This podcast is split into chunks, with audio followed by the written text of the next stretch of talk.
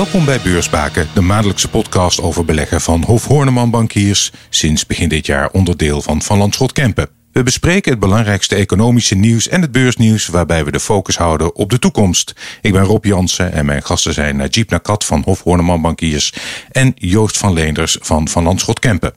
Aan het begin van beursbaken kijken we altijd even naar de stand van zaken. Dit jaar heeft de AEX al een koersrendement gemaakt van ruim 6%. Daar doet de hectiek van de afgelopen week niets aan af. Pikt de AEX die opwaartse trend gewoon op? Of is er een correctie aanstaande? Wat denk je, Joost? Nou, je ziet natuurlijk dat die, die rentevrees wat komt. Dus dat maakt uh, de kans op een correctie groter. De laatste serieuze correctie die we gehad hebben is oktober vorig jaar. En het is hard gegaan sinds die tijd. Uh, maar ja, de, de vraag is natuurlijk wat het moet gaan veroorzaken. We weten dat er een hoop positief nieuws aankomt. Mm -hmm. dus ik, ik denk eigenlijk dat die trend nog wel even door kan zetten. Najib? Ja, dat, wat Joost zegt over die rente, dat is nu wel een thema aan het worden in de, in de markt. Uh, ook, uh, ook de laatste week met name zie je dat, uh, dat de lange rente aan het oplopen is. en dat hebben we echt heel lang niet, niet gezien. Uh, tegelijkertijd is de, de afgelopen maand uh, behoorlijk positief geweest uh, voor de beurzen wereldwijd. Je ziet dat eind januari was er wat onzekerheid rondom vaccinatiesnelheid en, en, en, en die diverse varianten. Maar dat is echt wel naar de achtergrond verdwenen nu. En op zich, ja, die, het lichtpunt aan de horizon, dat is er nog steeds. Als we kijken naar de dip begin deze week, dan zagen we dat vooral technologie het erg zwaar had. En als je kijkt naar de AEX de afgelopen maand, dan zie je dat vooral financials en Shell de winnaars zijn. Joost, zet die verschuiving, die rotatie door? Krijgt die meer kracht de komende maanden? Ja, ik denk dat die kans er wel is. Uh, die, die, die rente, dat is natuurlijk nog iets. Dat komt vooral uit de Verenigde Staten, waar de economie uh, groeit en waar we weten dat er enorme fiscale stimulering aankomt. Uh, dus dat betekent dat er dat er wat inflatie kan komen op termijn. En dat die inflatieverwachtingen ook oplopen. En dat is, dat is goed voor die sectoren. Dat is goed voor die waardesectoren. Het is slecht voor die groeisectoren die natuurlijk waar hun winsten, grote, grote winstgroei in de toekomst ligt. Dus dat betekent dat je, dat je eigenlijk rentegevoeliger bent. Ja. Uh, ja, en banken natuurlijk profiteren van de rente. De olieprijs die hard oploopt. Uh, dat past allemaal wel in, dat, uh, in, die, in die cyclische verbetering. Um, dus ik, ik, ik, denk wel dat dat, dat, dat kan gaan. Het is, het is nog niet heel sterk. Hè. We zien nee. eigenlijk als je kijkt naar waarde versus groeiaandelen. Uh, groeiaandelen hebben natuurlijk heel lang veel beter gedaan. En eigenlijk sinds beetje september, oktober zien we het ongeveer gelijk opgaan. Dus het is nog redelijk uh, uh, broos wat dat betreft. Mm -hmm. Maar in, Jeep net ook zei over, die, over die, uh, het vaccin wat eraan komt, die, de, het heropenen van de economie wat eraan komt. Ja, dan, dan denk ik wel dat die rotatie nog wel wat door kan zetten. Denk jij dat ook, Najib? Ja, dat denk ik ook. Hè. Als je kijkt naar wat uh, sinds eind vorig jaar het met name goed gedaan heeft. het zijn kleine bedrijven versus grote bedrijven. Zie je toch wel een herstel van, van kleine bedrijven. Je ziet ook opkomende landen die tien jaar, nou, misschien wel iets langer, relatief slecht gedaan hebben. Um, toch wel goed, goed doen. Eigenlijk is het enige uh, stuk in, de, in die hele puzzel dat, dat waarde het beter gaat doen dan groei. Dat hebben we nog niet echt heel duidelijk gezien. Uh, het doet het ietsje beter sinds, uh, sinds eind, eind vorig jaar, zoals Joost al zei. Maar echt, echt een enorme rotatie zien we niet. Hoewel de afgelopen week met die rentebewegingen zie je wel, denk ja, de markt begint daar wel, uh, wel op te reageren. Maar ja, dit is wat dat betreft, ja, het, uh, één vogel maakt nog geen, geen, geen lente, zeg maar. Nee. Um, dus het, het heeft er alle schijn van, laat ik het zo zeggen. Maar iets meer bewijs zou wel fijn zijn. Ja, ja. en rotatie en ja, op zich een redelijk positieve ja, verwachting voor, voor de beurs ook. Kortom, um, geen angst uh, dat uh, er een correctie of wat dan ook gaat komen. Want je hoort ook dat um, uh, de inflatie toeneemt, of althans de inflatieverwachtingen. Wat denk jij, Joost? Dus dat zijn geen bedreigingen?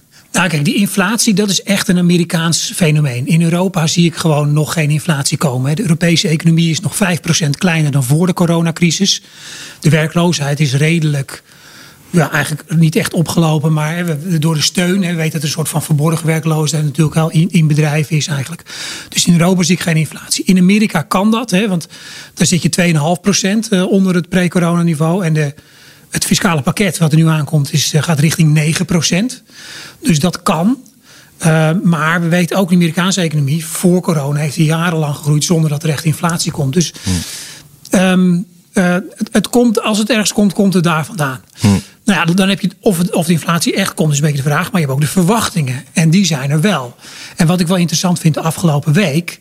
Uh, de inflatieverwachtingen kwamen. Dan zie je centrale bankiers die daar tegen ingaan. En Lagarde die zei van ja, we monitoren die 10 jaar rente. Met andere woorden, als het snel gaat, gaan we misschien iets doen. Uh, Powell, die natuurlijk voor het congres gezegd heeft van nou, die doelen van uh, inflatie en, en werkgelegenheid die we hebben, die hebben we nog lang niet gehaald. En de komende drie jaar zien we eigenlijk nog geen inflatie. En dat werkt nu. Hè? Dus je ziet dat die rentestijging stopt wat en de beurzen reageren daar positief op. Um, de, de vraag is of dat genoeg is. Als het, als het wel weer gaat, dan moet de centrale bank ook op een gegeven moment actie komen. Ja. En de Europese Centrale Bank is flexibel. Die heeft een flexibel aankoopprogramma, uh, uh, obligatieopkoopprogramma. Dus die kunnen dat gewoon een tijdje verhogen. Uh, de Fed koopt 120 miljard per maand. Ja, gaan die dan zeggen we gaan meer kopen? Dat vind ik wel de vraag. Of, of nu woorden ook genoeg zijn van die centrale bank. En als dat niet zo is, en die rente gaat oplopen, dan krijg je wel die correctie. Dus dat, dat risico is er wel echt. Ja. Hmm, ben je er ook bang voor? Of jij je spreekt niet echt een angst uit, maar. Nou ja, een, ik, wij, zitten, wij zitten overwogen aandelen. En dat is, dat is eigenlijk door, doordat de markt zo goed gedaan heeft, is dat wat hoger dan het doel wat we hebben. Uh, en dat hebben we nog niet naar beneden gebracht. Dus dat geeft aan dat we het, het risico nog niet, nog niet concreet genoeg achten om er echt op te handelen. Ja, Najib.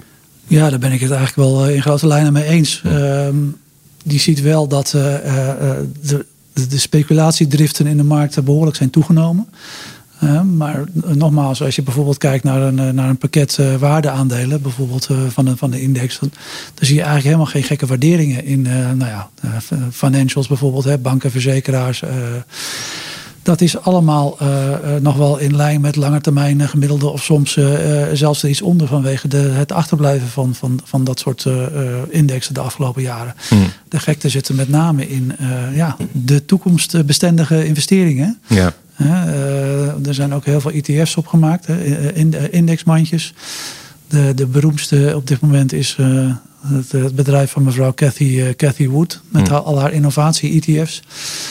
Waar, ja, waar, waarderingen, waar ik waarderingen tegenkom, die, die, die, zijn niet te rijmen. Je ziet ook koersbewegingen ook de afgelopen week intraday en uh, soms is dat al helemaal weggepoetst aan het einde van de dag. Maar je ziet wel daar een beetje angst ontstaan van jongens, wacht eens even.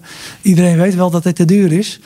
Maar om in Amerikaanse termen te blijven, is dit nou de achtste inning of de negende inning? Hm. Uh, en ja, yeah. dat is altijd lastig, de timing. Ja. Maar dat er sprake is van overwaardering is wat ons betreft zo, zo, zo, zo duidelijk als wat. Ja, en je zag rond die hele um, uh, speculatie van, van kleine beleggers hè, met, met GameStop en, uh, en BlackBerry en een aantal bedrijven. Toen dat, toen dat eigenlijk gebeurde en toen dat weer beneden kwam, toen zag je met name het sentiment onder Amerikaanse beleggers wel terugvallen.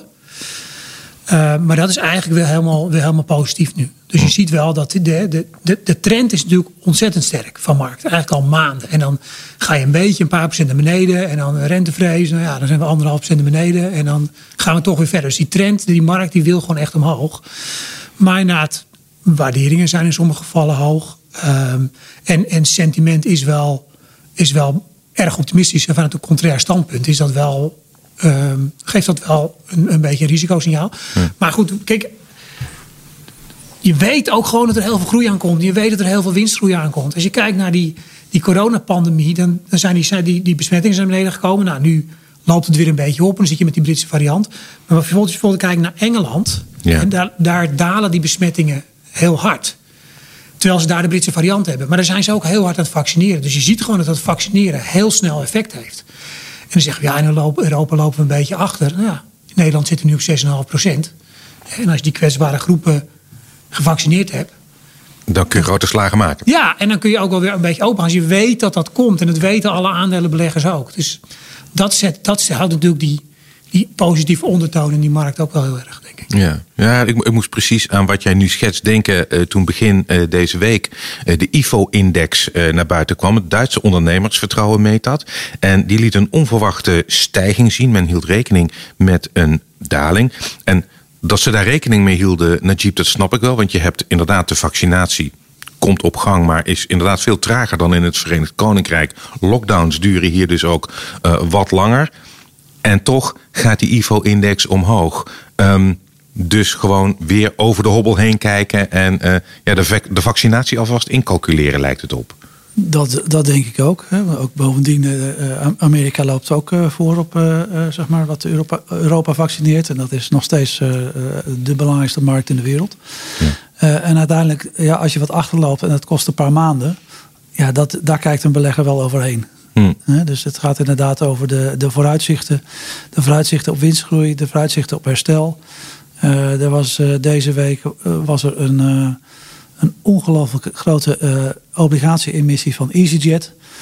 Die een dag nadat uh, Boris Johnson aankondigde dat er weer wat versoepelingen aankwamen, ja. uh, hebben die in één keer 1,2 miljard opgehaald in de markt. Waarbij ze een procentpunt lager betaalden dan wat ze initieel probeerden. Ja. De initiële indicatie was, was, een, was een kleine 3%, maar het werd, werd zelfs iets onder de 2% is dat uitgegeven. En dat geeft wel aan het, het optimisme in de markt. Ehm, ja, en dat, dat geeft ook ondernemers vertrouwen van, nou jongens, we, we zijn er misschien wel bijna. Ja, je ziet ook dat um, bij uh, dat er tekorten ontstaan als gevolg van de coronacrisis. En dan heb ik het bijvoorbeeld over de uh, chipsector. Daar zie je dat de autofabrikanten in de knel komen. Spelcomputers worden ook niet meer uh, geleverd, althans ernstig vertraagd. En Joe Biden die wil een onderzoek om te kijken of Amerika niet minder afhankelijk moet worden van bijvoorbeeld China of Europa. Um, als het gaat om de levering van chips bijvoorbeeld. En ook als het gaat om uh, medicijnen. Spe speelt eigenlijk hetzelfde bij die vaccins. Um, Joost, dan kijkt hij eigenlijk meer naar Amerika zelf. Is dat niet een bedreiging voor uh, de globalisering en de internationale handel? Ja, dat, dat staat natuurlijk al een tijdje onder druk. En dat is natuurlijk met Trump is dat, uh, is dat uh, flink aangezet. Uh, en het, het, idee was dat het onder Biden weer wat zou normaliseren. Ja. Deze tendensen zie je natuurlijk meer. Je ziet dat in Europa ook. Hè, dat medicijnen, beschermingsmiddelen, dat je daar minder afhankelijk van wil zijn. Um, ja, wat je, wat je, als dit doorgaat, dan zie je dat, dat dat dat soort producten in principe wat duurder worden. Want nu, nu, nu ga je dat produceren op de goedkoopste plaats. Ja. Nou, nou denk ik wel eens met chips. Ik, ik zit er niet zo heel erg in, maar dan denk ik dat staat een hele grote fabriek met robots, staat die, staat die chips uh, eruit te stampen. Ja. Dan denk ik, dan maakt het niet zo uit waar je die fabriek zet. Dan heb je niet, kijk, kijk um, kleding, daar heb je goedkope arbeid voor nodig. En, en die chips, dat, dat, dat, weet ik niet precies. Dan denk ik van ja, dat je die fabriek nou in Taiwan of in, uh, of in Amerika zet, gaat dat heel veel verschil maken. Hm. Maar um, ja, die, hele, die hele verandering van die productieketens en dat allemaal meer nationaal maken. Ja, dat, dat, dat zet de globalisering onder druk. En dat per saldo leidt dat tot wat, in principe wat hogere productiekosten. Ja, hogere productiekosten. Uh, dat hoeft niet per se te betekenen, Najib, dat dat dus uh, ongunstig is uh, voor beleggers. Nee, kijk, dit, hè, wat Joost al zegt, het zijn twee dingen die eigenlijk gaande zijn. Dat, dat, uh, die, die tegenkrachten tegen de globalisering, die zijn al een tijdje gaande, zijn aangezet door, door de, de, vorige, president, de vorige president. Um, die, die handelsstrijd tussen de VS en Amerika die speelt daar een veel belangrijkere rol in. Uh, en hoewel dat misschien nu iets minder uh, hard wordt uitgevochten, zal dat nog wel een thema blijven in de markten de komende jaren. Het huidige chiptekort is eigenlijk een, een samenloop van omstandigheden waarbij je aan de ene kant een aanbodschok had vorig jaar doordat een aantal van die fabrieken dicht moesten in, in Azië. En nu zijn inmiddels wel weer op stoom. En een vraagschok waarbij de auto-industrie sneller terugkwam dan verwacht. En uh, dat je ook te maken had met een enorm uh, hogere vraag vanuit de behoefte meer thuiswerken. Uh, de, de, lockdowns, dus meer spelcomputers, meer laptops, meer iPads. Hm. en die twee samen, die hebben dus nu voor, de, voor dit knelpunt gezorgd. Ja, dus in zekere zin is dat redelijk klassiek. Dat los je niet op door de productieketens hm. per se te verschuiven. Nee. Dus dat zijn twee verschillende thema's. Ik, ik denk niet dat dit...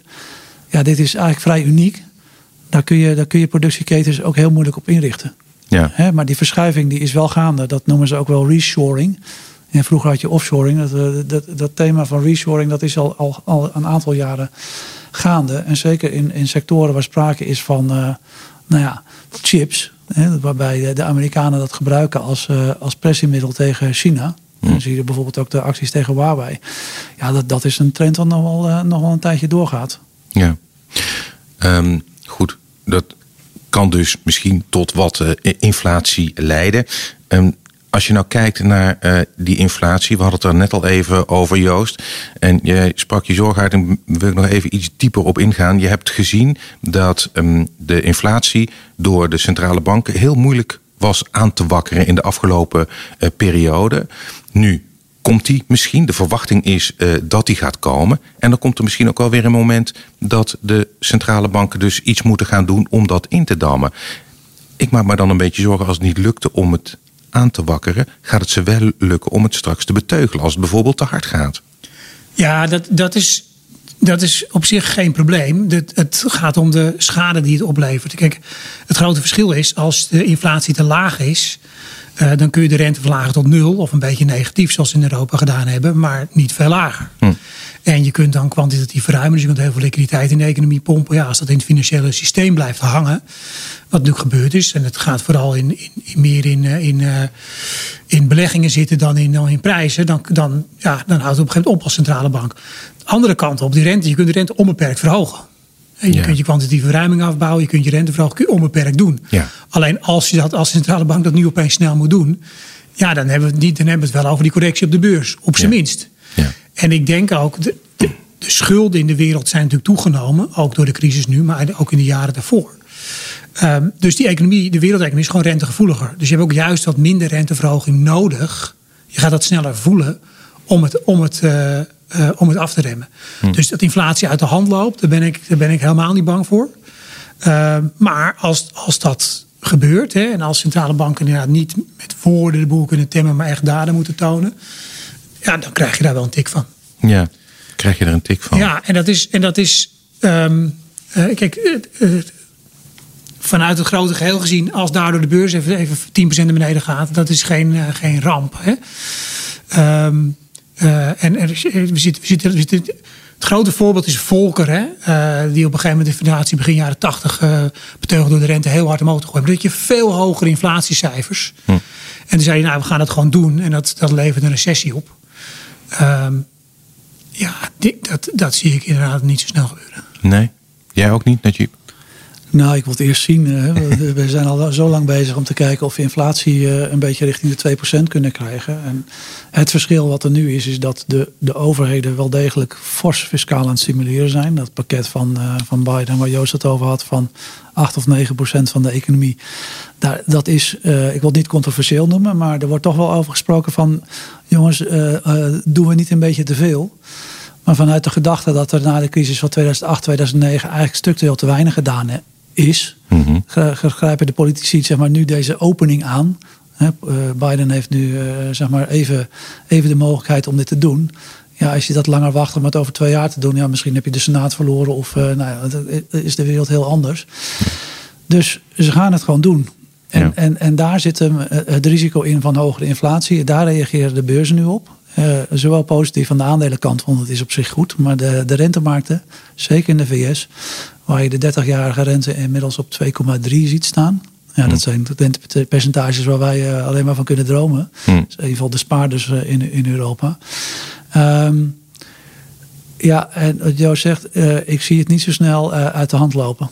Hmm. En er zijn inderdaad hè, dat, dat, dat, dat script uit de jaren tachtig, hoe je dat kan aanpakken, dat is gewoon heel duidelijk. In feite rem je de economie af door de, door de leenkosten te verhogen, waardoor de vraag afneemt. En dan, en dan, en dan neemt die druk uh, vanzelf af. Er zit natuurlijk wel een vertragingseffect in. Maar dat spel kennen we. Alleen ja, dat, dat script hebben we hmm. volgens mij ruim 15 jaar niet nodig gehad. Ja. Dat, punt, dat punt wat G maakt met het, het, en dat het voorheen alleen het monetair beleid was en nu monetair en fiscaal dat is natuurlijk wel een fundamentele verandering. Hm. En die druk op die lage inflatie, hè, uh, uh, lonen die niet meer geïndexeerd zijn, de afnemende macht van de vakbonden, die globalisering, die neemt dan wat af. Maar goed, dat soort structurele factoren zijn er nog wel. Maar dat, dat samenwerken tussen, eigenlijk tussen centrale banken en fiscale overheden, dat, zou, dat kan een verschil maken. Hm. En dat betekent, want waar ik eigenlijk naartoe wil, of tenminste mijn gedachtegang is, er is heel lang gezegd het, het mantra, uh, there is no alternative. Je moet eigenlijk wel in aandelen zitten en het is heel moeilijk om daar uh, diversificatie in te brengen in de verschillende asset-categorieën, omdat die rente zo enorm laag is. En als ik jou zo hoor, Joost, dan blijft dat nog wel even. Ja, maar dat is. Dat wordt eigenlijk alleen maar erger. Hm. want kijk, natuurlijk, je wil wel obligaties hebben als die rente helemaal opgelopen is, maar niet op het moment dat die oploopt. Hm. Want je ziet nu, hè, year to date, de meeste obligatiecategorieën staan gewoon op een negatief rendement. Hm. En dat geldt voor staats en dat geldt ook voor, uh, voor de veilige bedrijfsobligaties. De, die risicoopslag is vrij klein, dus dat effect van die rente dat speelt dan al snel mee. Uh, opkomende markten. Dus, dus gedurende dat die rente oploopt, krijg je allemaal negatieve rendementen op die obligaties. Ja. Dus je vraagt wat is je alternatief? Nou ja, die obligaties, dan moet je wel goed zoeken. Ja. Dus heb je nog wat hoogrentende categorieën waarbij je kan zeggen, nou oké, als het beter gaat, dan komt die opslag nog wat naar beneden. Dat compenseert dan.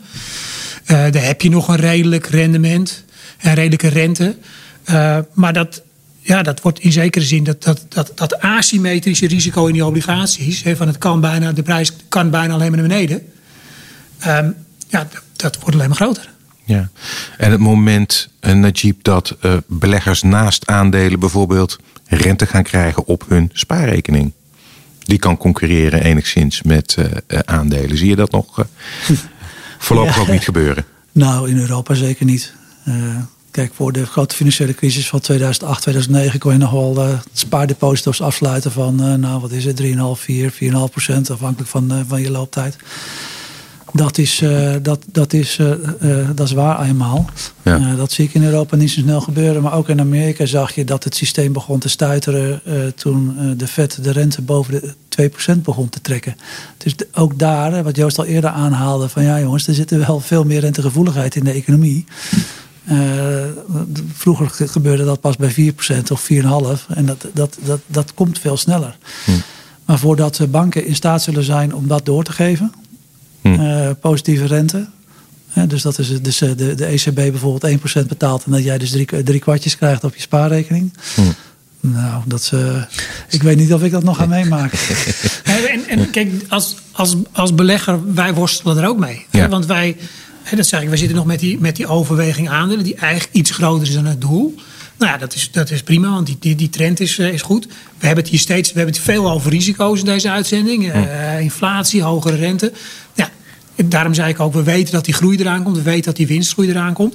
Maar stel nou dat wij, we zitten wel te kijken, moeten we, moeten we aandelen wat afbouwen. Maar waar gaan, waar gaan we dan in beleggen? Dat zou inderdaad mijn volgende vraag zijn. Gaan we, dat, gaan we dat op cash zetten? Ja, nee. Uh, ja, dat kan. Maar dan, maar dan, dan als, je, als je dat cash gaat aanhouden, dan zeg je: oké, we verwachten dat een correctie komt. He, zodat als die komt, kunnen we weer instappen. Goed. Obligaties? Ja, nou ja, zitten we ook tegen negatieve rendementen aan te komen, hmm. aan te kijken. Tenminste, in het verleden en misschien. Dus dat is, dat is dat, dat, dat TINA, dat, dat, dat, dat, is er gewoon nog steeds. Ja. Dus je kan wel kijken bijvoorbeeld naar uh, grondstoffen. Dat, uh, maar dat is ook hard gegaan. Hè, de olie, maar ook basismetalen. Dus, Koper, dat is ja. iets wat profiteert van een groei, wat misschien een beetje tegen inflatie kan. Vastgoed is natuurlijk behoorlijk achtergebleven. Dat is een van de beleggingscategorieën die niet zo erg overgewaardeerd is. Voor een deel voor een reden, hè, omdat we bepaalde trends van meer thuiswerken en, en, en meer online winkelen, dat het niet moeilijk te voorspellen is hoe dat doorgaat. Um, dus daar kleven ook allemaal wel, wel dingen aan. Maar dat, ja, dat, dat, is, dat is de keus. Hè. Ja. Um, uh, en dat maakt die obligatie die obligatiecategorieën natuurlijk allemaal kwetsbaar met die lage risicoopslagen, lage rentes en dan een oplopende rente. Ja. Je ziet natuurlijk wel in die markt dat uh, zeg maar de lange kant van de rentecurve uh, oploopt. En de, en de korte kant ja, die wordt gecontroleerd in feite door de centrale banken. Ja. Dat betekent dat in, die, in, in de obligatiemarkt ook steeds meer rentestijgingen ingeprijsd worden. Dus het is niet zo per definitie dat als de rente omhoog gaat, dat, dat, uh, dat de obligaties dalen. Ja, wel uh, op hele korte termijn. Als morgen de rente met een half procent stijgt, dan, dan sta je dik in de min. Maar als dat over een jaar wordt uitgesmeerd en dat ingeprijsd is, dan maak je gewoon je rendement wat, eh, wat, uh, wat er staat, zeg maar, op het moment dat je de obligatie aankoopt. Alleen dat is in Europa. Als je zo'n mandje pakt van, van veilige bedrijfsobligaties. Ja, dat is iets van 0,2% zo'n mandje. Hm. En dan heb ik het nog over voorkosten ook. Hm. Dus inderdaad, Tina, zeker buiten Amerika, is nog ja, is er nog steeds. Eigenlijk eh, is Amerika de enige plek waar dat misschien gaat veranderen. Ja.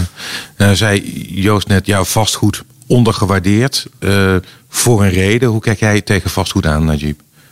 Nou ja, dat is, als jij een heel goed toekomstbeeld hebt, dan kun je waarschijnlijk heel veel geld verdienen in vastgoed. Omdat vanwege die grote onzekerheden die er zijn, zijn die waarderingen nu waar ze staan. Maar wie, wie, wie het weet mag het zeggen natuurlijk. Er zijn we allemaal nieuwe ideeën over hoe uh, de vanaf huiswerk gaat worden. Hoe uh, wonen, woon-werkbalans uh, ingericht gaat worden. hoe er gewinkeld gaat worden. Um, maar er waren natuurlijk al trends gaande die nog eens versneld zijn. En hoe het er precies uitziet over een jaar. Hmm.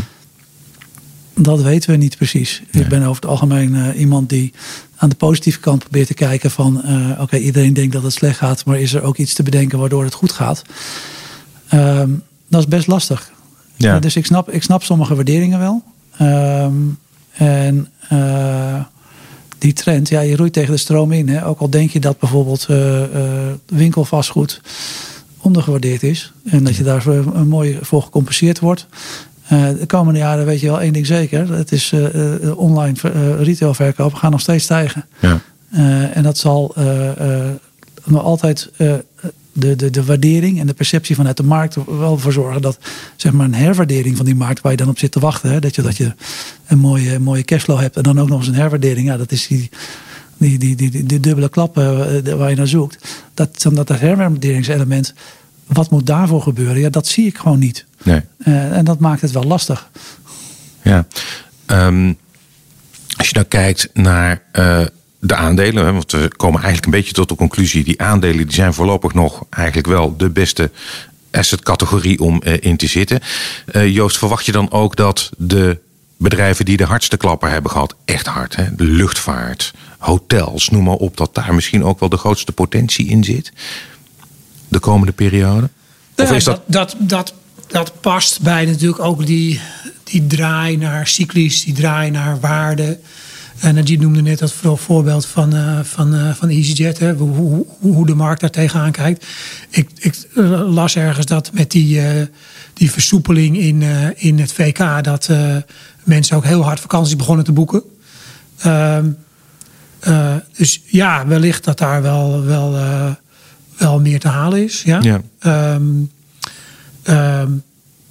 een sector waar dat ook in zit is bijvoorbeeld uh, consumer discretionary. Zit daar natuurlijk ook in.